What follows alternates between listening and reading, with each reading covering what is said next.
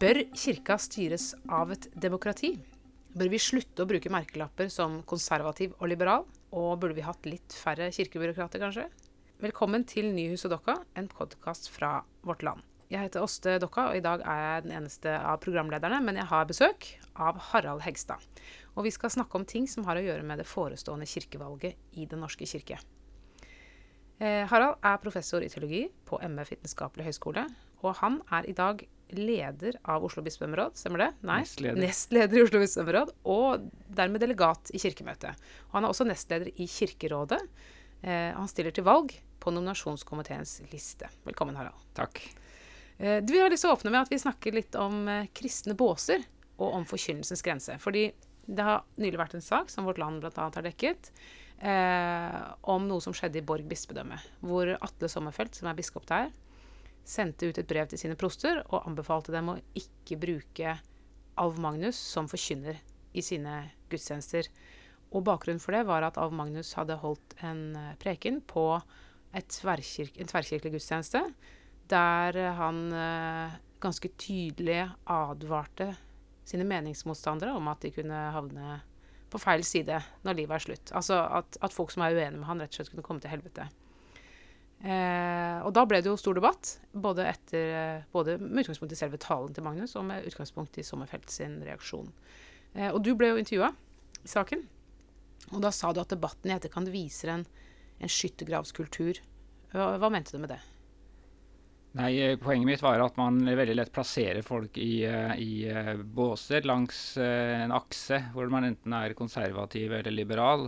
Og hvis noen på den motsatte siden sier et eller annet, så er man antagelig, da regner man med i utgangspunktet at man er uenig. Hvis man er konservativ og en konservativ predikant får kjeft, så regner man med at det er han som har rett, mens, og den liberale tar feil, uten helt å lytte til hva som blir sagt. Der synes jeg jo at debatten etterpå har nyansert det veldig. At man, hvis man virkelig begynner å reflektere over tingene, så ser man at det er ikke, det er ikke fullt så enkelt. At selv en konservativ forkynner kan trå feil, også fra et konservativt synspunkt. Ja, for jeg så at han som er um, sogneprest i den aktuelle kirka, han, Ja. uh, han uh, ser seg selv som konservativ i, i mange spørsmål. Både troen på at det finnes uh, to alternativer etter Ja. døden, og, og i spørsmålet om homofilt samliv. Men likevel så var han kritisk til talen. Ja da. Og det biskopen gjorde, var jo på en måte å støtte sognepresten og sogneprestens reaksjoner. Så fikk sognepresten mye kjeft for det han gjorde fra konservativt hold. Og da gjorde biskopen det eneste en biskop kan gjøre, det er å stille seg bak prestene sine. Mm. Så, det- så derfor syns jeg det så, Sommerfelt gjorde, var, eh, var helt på sin plass. Selv om selvfølgelig dette med utestengelse og formen som reaksjonen får, det kan man jo absolutt diskuteres. Det er kanskje litt mer kritisk, men det er ikke noen grunn til å ta noen diskusjon om det. Er, det, er dette noe nytt i Norske kirke? Nei, dette med utestengelse er i hvert fall ikke noe nytt. Og det er jo eh, kanskje først og fremst den konservative siden som har bedrevet det i, eh, i, eh, i mange år. Det dette har jo bakgrunn i kirkekampen på 1920-tallet, hvor man prøvde å demme opp for de liberale teologene. Og det var jo liberale teologer som vi knapt har i dag. De fornektet Jesu guddom og oppstandelsen og det ene med det andre. Så, så det hadde jo en, en funksjon, men jeg, jeg pleier å si at norsk kristeliv har litt overutviklet immunforsvar. Sånn at man eh, slår ut eh, nærmest i allergiske reaksjoner, også når det egentlig ikke er noen ordentlige infeksjoner å bekjempe. Og Det syns jeg kanskje av og til gjør seg gjeldende. Så vi er rett og slett litt oversensitive for, uh, for uh, synspunkter som, vi, som liksom ikke vi trenger å være så stressa for? Altså, det er veldig bra med debatt og uenighet, og at man belyser ting, men det er når man liksom er veldig rask med å stemple ting som vranglære eller heresi, eller stenge folk ute for det. Det skal man være, være litt forsiktig med. Altså, man, jeg hører ofte at man liksom snakker om eh, prester som er vranglærere og, og sånn, uten at det, man har så veldig godt belegg for det. Men når man er uenig i f.eks. samlivsetiske spørsmål, og dermed så tyr man lett til sånne stempler. Det syns jeg man skal være forsiktig med. Men det betyr ikke at man skal underslå, underslå uh, uenigheter. Men den måten, formen uenighetene får, og hvilke konsekvenser de får. Og du er jo selv lærer for kommende prester eh, som skal ha tjeneste i Den norske kirke, og som skal stå på prekestolen søndag etter søndag og forkynne eh, fra Bibelen. Hva, hva tenker du om liksom, hvilke grenser har forkynnelsen? Altså, hva, hva, det, hva, kan man si, hva kan man ikke si? Det er klart det er jo noen grenser her, for all del. Altså, så det sier jeg til studentene mine også. At uh, du står på prekestolen, så står du jo ikke på egen, egne vegne og forteller om dine egne private overbevisninger og synspunkter. Du står der på kirkens vegne. Du står der for å formidle kirkens tro og kirkens budskap. Og en prest som er ordinert, har også lovet nettopp å å gjøre det.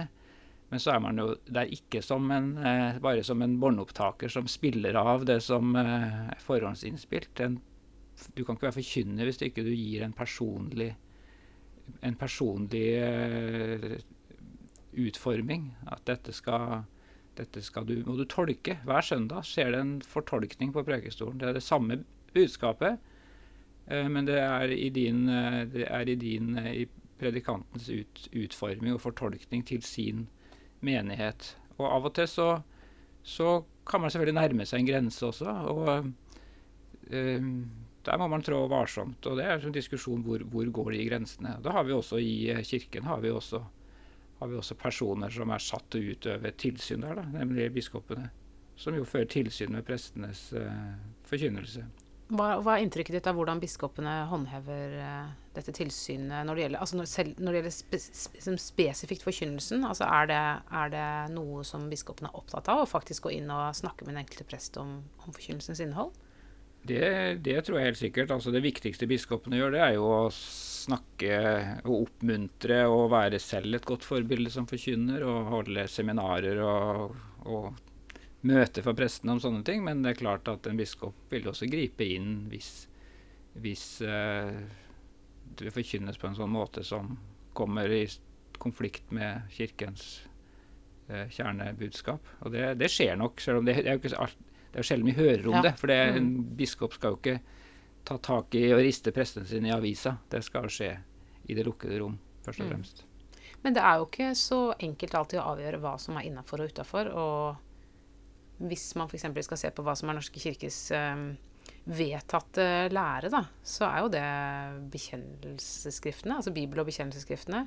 Og, og uh, i bekjennelsesskriftene, bl.a. i Confessio Augustana, så er det jo en god del formuleringer som jo ingen biskop ville sagt, fra, sagt i dag, eller uttrykt på den måten. Nei da, og derfor er det jo nettopp eh, at uh, kristne budskapet må til enhver tid fortolkes.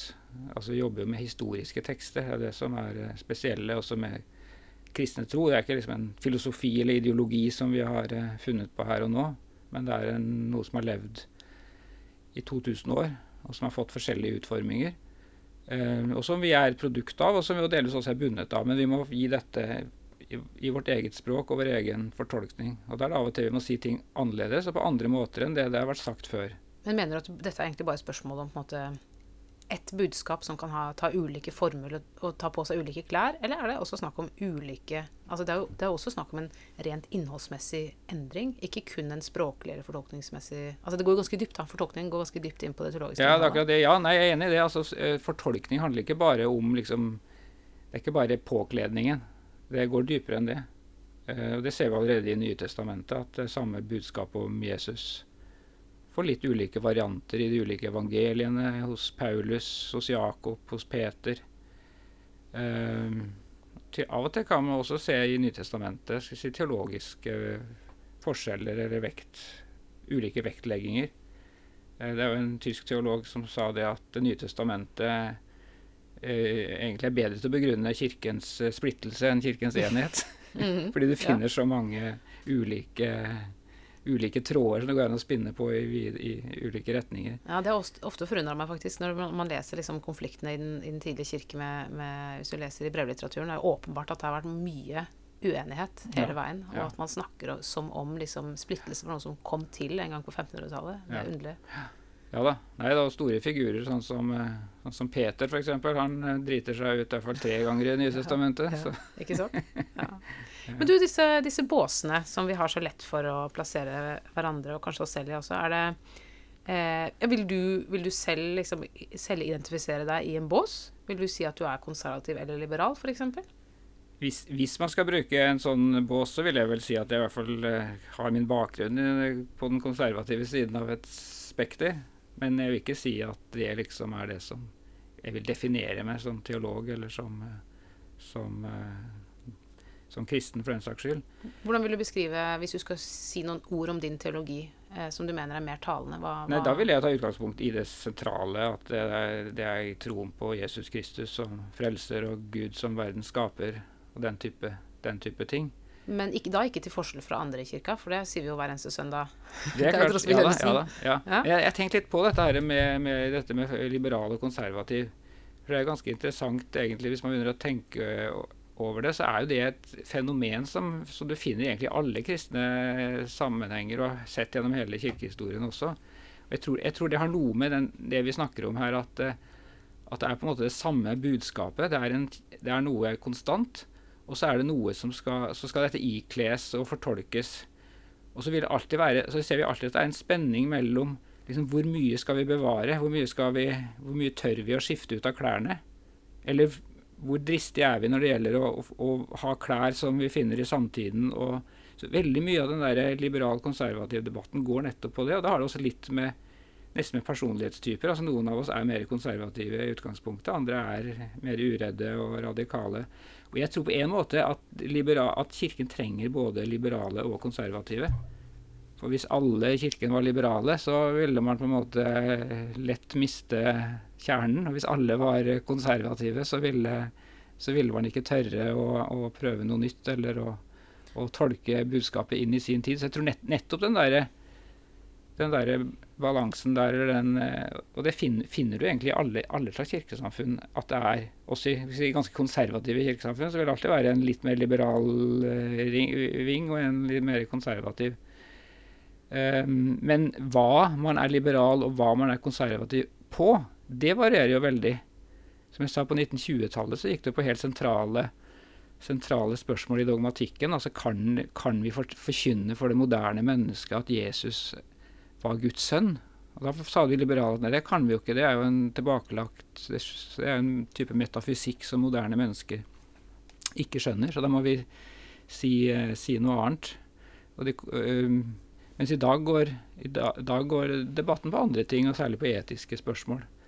Som de som er liberale i etiske spørsmål i dag, de vil ofte være ganske konservative i, i dogmatiske spørsmål når det gjelder Jesus som Guds sønn og så videre. Ja, det er liksom ikke oppe til debatt, Nei, det er ikke det. De, de tingene der. Nei. Uh, ja, Så du fortolker dette i et uh, det, Sånn som jeg hører deg, i en Altså hvordan forholder vi oss til samtida? Det er egentlig det store spørsmålet. Det er den skillelinja du ser uh, mellom konservative og liberale. Ja, det er en viktig side ved den forskjellen mellom konservativ og liberal. Og den, som sagt, så, så kan det variere. ikke sant? Du kan være konservativ i en ting og liberal i noe annet. Det som er morsomt, f.eks., er jo at at de som ofte er si, litt mer liberale i teologien, ofte kan være ganske konservative når det gjelder form. Altså det, den kombinasjonen høykirkelig og liberal, det er noe du finner også i, i Norge. Definitivt. Mens da de, de, konservative i teologien ofte de som da ikke tar det så nøye med liturgien og vil prøve ut nye former og osv. Ja. Eh, det er jo Sigrid Undset eh, sa vel det at eh, kirka har som sitt sakrament eh, vinen som er best når den er gammel, og brødet som er best når det er ferskt. Ja. Og det er liksom. Spørsmålet er jo bare da å finne ut hva er vinen, og hva er brødet. Ja. Sånn at vi slipper Ja. gammelt brød og ny vin, kanskje. Og så er det noe med at vi er kirke sammen. Da. Som jeg sa, vi trenger på en måte mennesker som har, litt, som har ulik innfallsvinkel til dette. Og vi skal være, ikke være for kjappe med å, liksom, å si at den andre siden ikke hører til i kirken. Hvis vi, ja. Ja, hvis vi, hvis vi på en måte ser bort fra spørsmålet om samlivsform, altså om homofilt samliv, som jo var oppe på kirkemøtet altså kirke, eh, for fire år siden, ved forrige, forrige skifte. Em, hvis vi på en måte lar den ligge, i hvor stor grad gir det da på en måte mening å snakke om en konservativ og en liberal side av norsk kirke? Altså, hvil, hvilke sa Er det ingen andre Er det kun det etiske eh, spørsmålet om hvilken etikk som er riktig?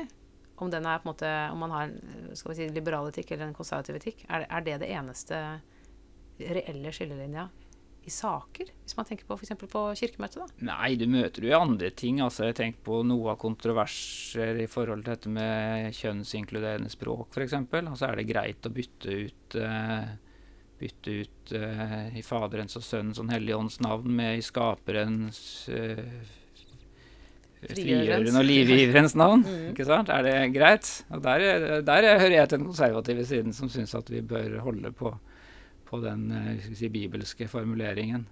Selv om jeg ser at det er gode poenger i, i idealet om et kjønnsinkluderende språk, men ikke akkurat der. Mm. Der er det i og for seg et kjønnsnøytralt språk i akkurat det tilfellet. da. Der er det jo ingen kjønn. I, jo, jo. Kjønnsnøytralt. Ja, ja. Det er både ja. noe som er kjønnsnøytralt, og noe ja. som er kjønnsinkluderende. Ja. ja. Men uh, i, i, da homofilispørsmålet, eller man skal kanskje ikke kalle det et spørsmål, da, da spørsmålet om vigsel av likekjønnede kom opp på nytt uh, Nei, da den kom opp sist, kan jeg spørre hva var det du stemte da? Stemte du for at vi skulle ha en liturgi for alle, eller ville du bevare det sånn som det var? Jeg stemte for den, for den det vedtaket som ble gjort, som jo var et omforent vedtak fra et flertall og et mindretall på kirkemøtet. Jeg tilhørte da det mindretallet, og jeg argumenterte jo i forrige kirkevalg eh, mot, mot å innføre vigsel av likekjønnede. Men jeg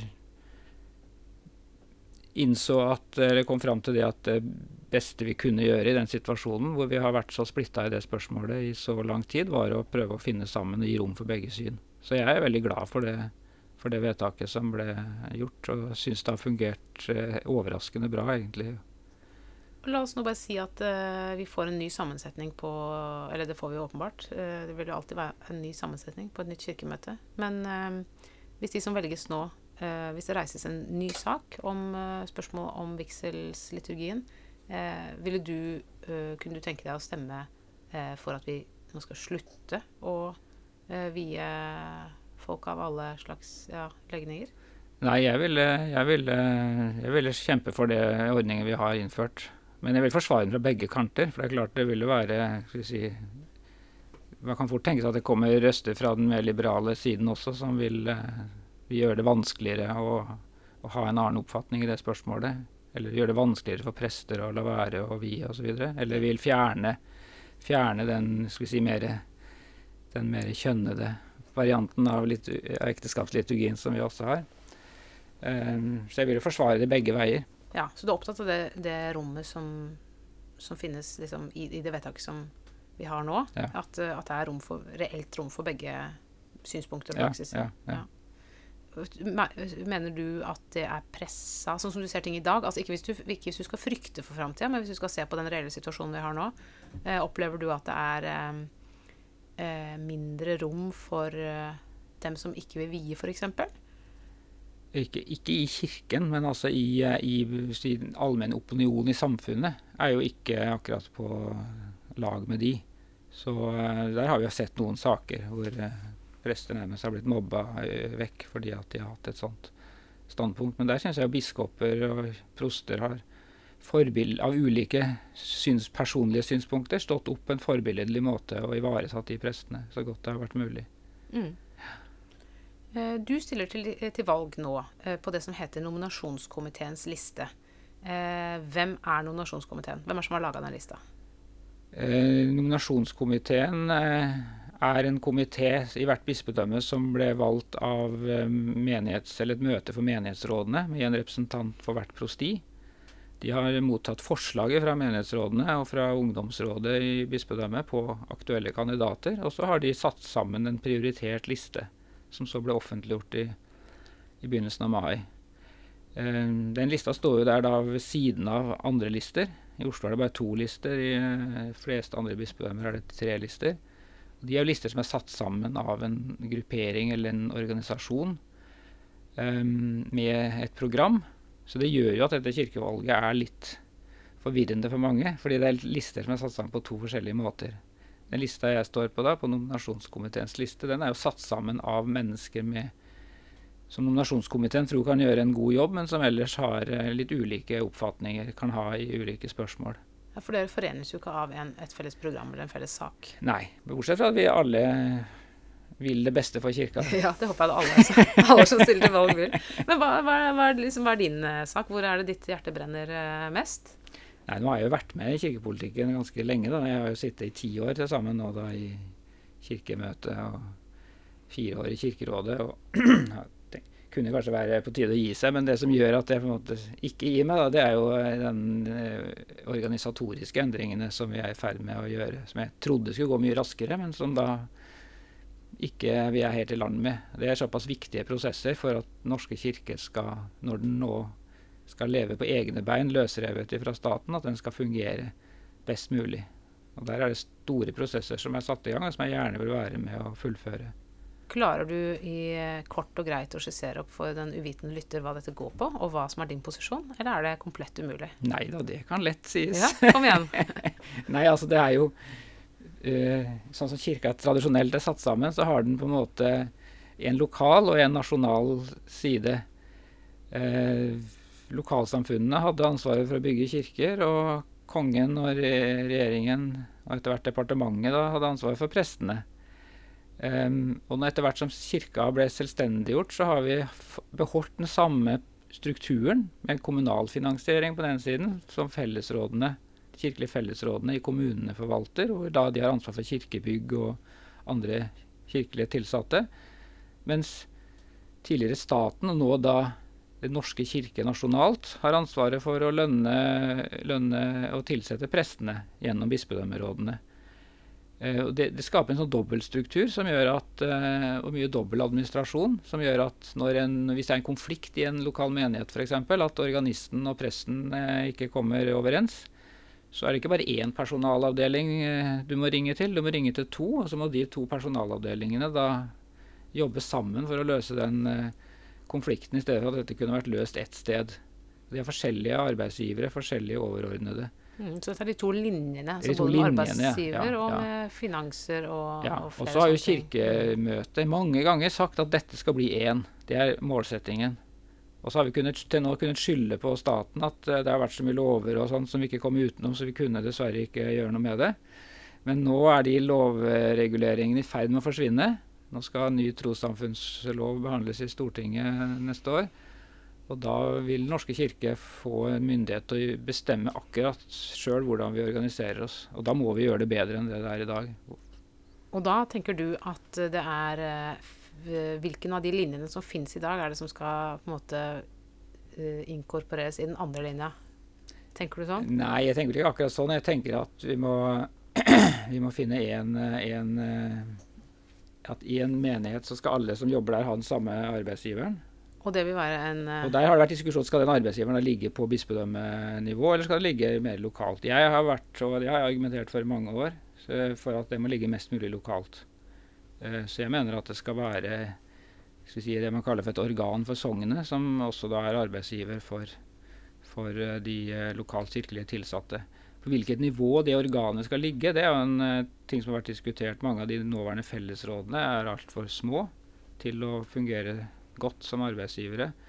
Sånn at eh, der har jo Kirkerådet nå bedt om en utredning av en modell hvor prostiet blir, eh, blir, eh, blir den nye enheten.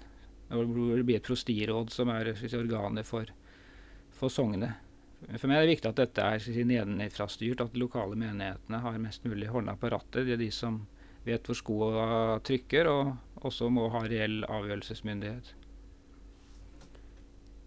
I, da du ble valgt inn i uh, Kirkemøtet og også Kirkerådet i 2016, så stilte du til valg som leder eh, for Kirkerådet. Du ble ikke det, men du ble enstemmig nestleder.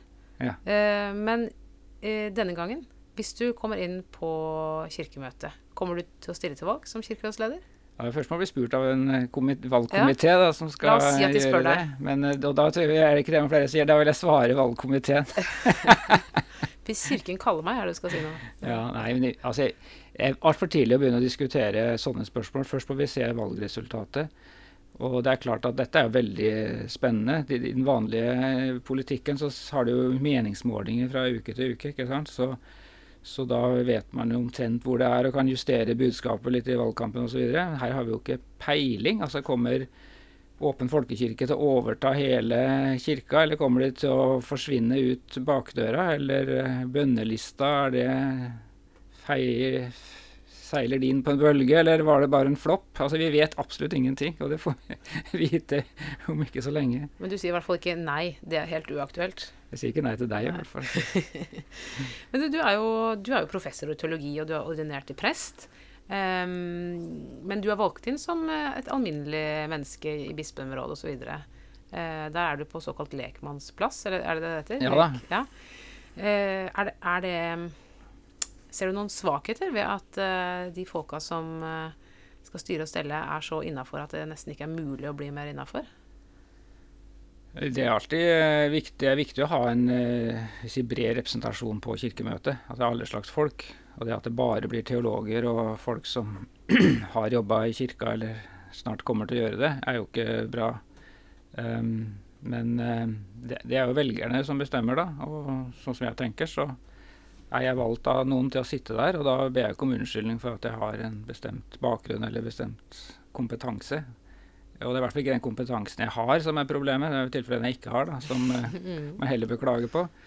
Uh, og det at det er uh, litt teologisk kompetanse på uh, At ikke det bare er biskopene og prestene som vet litt om teologi, det er også med å, med å sikre en viss maktbalanse også i Kirkemøtet, sånn som jeg har opplevd det? Ja, Det er et interessant spørsmål, fordi eh, sånn som vi har det i Norge, og sånn er det jo ikke i alle lutherske kirker, så er det jo i praksis Kirkemøtet som er det øverste organet for alle saker. Ja. Eh, og det betyr også at selv om det er biskopene i Norge som måte formelt sett har læreansvaret, så vil alle saker kunne stoppes av Altså det er en sånn maktbalanse mellom bispemøtet og kirkemøtet eller Kirkerådet som gjør at eh, det er Kirkemøtet som egentlig bestemmer til syvende og sist. Um, det betyr jo at alle spørsmål som går på liturgi, som i praksis jo er spørsmål om hva vi lærer i Den norske kirke, hva som er vår teologi, og, og, andre i og for seg spørsmål La oss nå bare si at noen fant ut at vi skulle ha et, et nytt, uh, nytt bekjennelsesskrift, eller vi skulle kutte ut et av det vi har. Det ville kunne bli vedtatt i Kirkemøtet. Er det er, Bør det være sånn? Bør demokratiet være det, den instansen som skal ta de avgjørelsene. Hva tenker du om det? Altså, jeg mener at det er et godt luthersk prinsipp. At det er eh, menigheten som bestemmer over alt egentlig i kirken. Det er, et, eh, det er ikke en pave eller en biskop som sitter på toppen og har et mandat direkte fra Gud, men enhver kristen som er krøpet ut av dåpen, som Luther sier, har altså en, myn en åndelig myndighet. Og en myndighet som man da utøver i fellesskap, bl.a. gjennom råd og møter og der velger man sine representanter. Eh, og det har jo ikke noe med Det er jo ikke forstått som et verdslig demokrati, men man velger nettopp som kirkemedlemmer. Um, men så er det klart at i en luthersk kirke så har man også noen som har et spesielt oppdrag, både til å forkynne og til å fortolke Guds ord på fellesskapets uh, vegne. Det er også et godt luthersk prinsipp. Um, og Derfor så har vi først satt sammen Kirkemøtet på den måten. At det ikke bare er disse valgte representantene, men det er også representanter for prestetjenesten og for bispetjenesten. Uh, og så er det også lagt inn da sperrer i, uh, eller rutiner i, i, Kirkemøtets forretningsorden som gjør at lærespørsmål alltid skal behandles av, av bispemøtet. Og det, er, og det er helt klart at når, når Kirkemøtet behandler ting med læremessige implikasjoner, så, så er du alltid forberedt av, av bispemøtet og av uh, kompetanse. Så Man driver ikke og lager teologi på kirkemøtet, man forholder seg til, eh, til ting som foreligger, eller muligheter som foreligger. Um, sånn at hvis det er Det skal veldig mye til, også rent formelt, for kirkemøtet å overstyre bispemøtet, f.eks. Hvis bispemøtet sier at dette er eh, ikke god teologi, så og sier det med klart flertall, så, så må det opp på ny behandling osv. i Kirkemøtet. Hvis vi ser på konkrete saker, liksom, har, hvordan har bispemøtet eh, spilt en rolle i eh, f.eks. i spørsmålet om eh, vigsel av likekjønnede? Ja, det er, det er, veldig interessant. fordi at eh, veldig godt eksempel på akkurat hvordan det fungerer. fordi at eh, Det er mange som framstiller den endringen vi fikk i 2016, at det var bare et resultat av forrige kirkevalg og da på en måte gir åpen folkekirke og de som kjempa på barrikadene da, liksom hele æren for det. Men hvis man ser hva som skjedde før, så var jo det som gjorde det mulig for åpen folkekirke å i hele tatt reise den saken, det var jo at bispemøtet allerede i 2013 hadde avgitt en uh, uttalelse om ekteskapet hvor et flertall i, i uh, bispemøtet sa at det var læremessig grunnlag for å innføre vigsel av likekjønnede par. Det var jo det som gjorde det mulig. Altså Hadde bis et samlet bispemøte sagt at nei, det er ikke mulig, så skulle det vel Da ville det er mye vanskeligere for Kirkemøtet å innføre det. For da det ikke noe, hadde det ikke vært noe teologisk grunnlag for det. Men, hva, men den, den, kom i 2013. Jeg satt bare så det jeg sagt, jeg satt i det utvalget som lagde den rapporten. Um, selv om det var bis, biskopene som på en måte gjorde den uttalelsen. Men det var jo en uttalelse før det også. Det var jo den såkalte lærenemnda-uttalelsen som også eh, forklarte på en måte to ulike syn i, i spørsmålet om samliv. Eh, men den førte jo ikke til et noe nytt kirkemøtevedtak. Jo da, det gjorde den jo, men da gikk jo spørsmålet på noe annet. Og det var jo ikke på spørsmål om likekjønt ekteskap, for det var jo før eh, vi fikk en kjønnsnøytral ja. ekteskapslov. Så mm. da var det spørsmål om, om likekjønnede om folk som levde likekjønnet eh, forhold, kunne, kunne, ha stillinger i kirken. Og det førte jo til et kirkemøtevedtak hvor Kirkemøtet sa at det får være opp til hver enkelt ansettelsesmyndighet å avgjøre. Um, tidligere så hadde Kirkemøtet sagt at det bør ikke skje ut det. Så det førte faktisk noe, det også. Så det du sier nå, er egentlig at så lenge strukturen legger til rette for at um, kompetansemiljøer kommer inn og sier ting, og dermed også kanskje kan dytte litt på uh, bispemøtet, så vil, så vil, det ha stor betydning for, for um, utfallet av konkrete saker. da.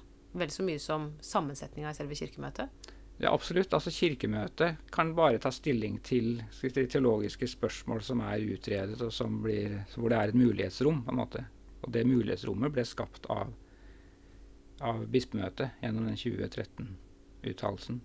Skulle du ønske at bispe, biskopene eller bispemøtet hadde større makt i kirkestrukturen?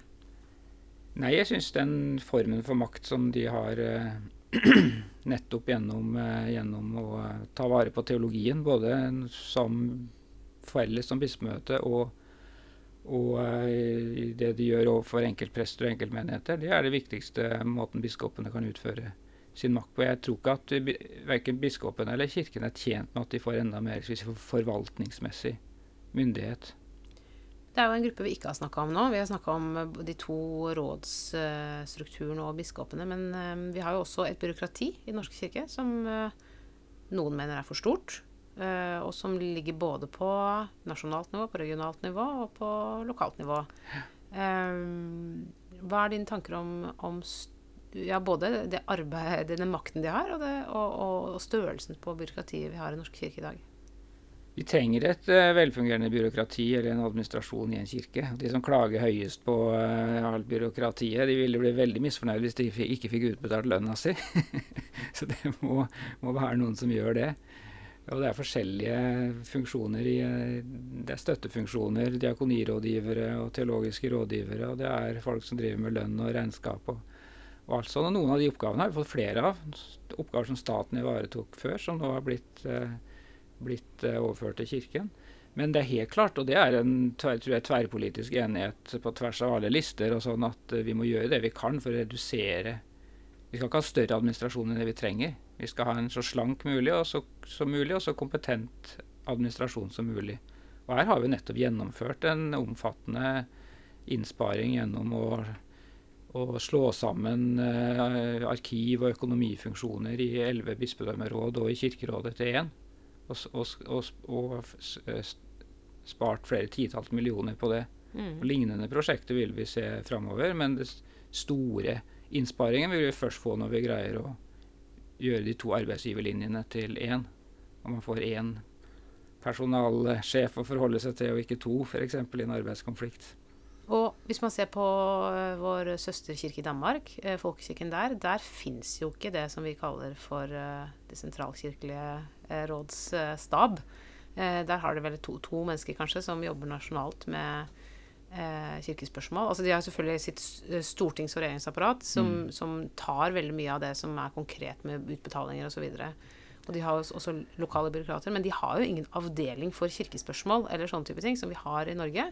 Nei da, men de har jo noe sentralt der. De har Mellomkirkelig råd, de har Landsforeningen for menighetsråd som, eh, som utfører en del. De har Kirkefondet i København. og så Det vil alltid være og Det var jo sånn i Norsk kirke også. Vi hadde jo også diverse nasjonale ting og tiltak osv. som så etter hvert har blitt fusjonert inn i Kirkerådet og i en sentral struktur. I Sverige har du enda større eh, sentral struktur, for der har de fusjonert inn enda mer. Altså det som hos oss er Kirkens Nødhjelp og Norske Misjonsselskap og, og eh, KIFO. Og, KIFO og, mm. og, og barne- og ungdomsorganisasjoner og sånn. Det er jo en del av, eh, av Svenska kyrkan ja. eh, sentralt. Og da klart det blir en enorm mye større sentraladministrasjon. Så vi må se hva slags oppgaver som man skal løse. Jeg tror den norske modellen med relativt selvstendige miljøer i tillegg, sånn som IKO og KIFO og teologiske fakultetene og barne- og ungdomsorganisasjoner, misjonsorganisasjoner, diakonale institusjoner og organisasjoner. Er, jeg, tror det har vært en god og fruktbar modell. Det sentrale kirkebyråkrati skal ikke overtale det der og gjøre ting selv. Så der må, vi vise, der må vi kirkepolitikere også vise en viss edruelighet når det gjelder hva slags oppgaver man skal løse selv. Og de pengene som spares på å slanke byråkratiet, hvor skal de hen? Nei, De skal jo ut i si, utøvende virksomhet. da, Møte mennesker i prestetjeneste, diakoni, trosopplæring osv. Ja. Harald Hegstad, tusen takk for at du ville komme hit, og lykke til i valget. Takk for det. Produsent har vært Sondre Bjørdal.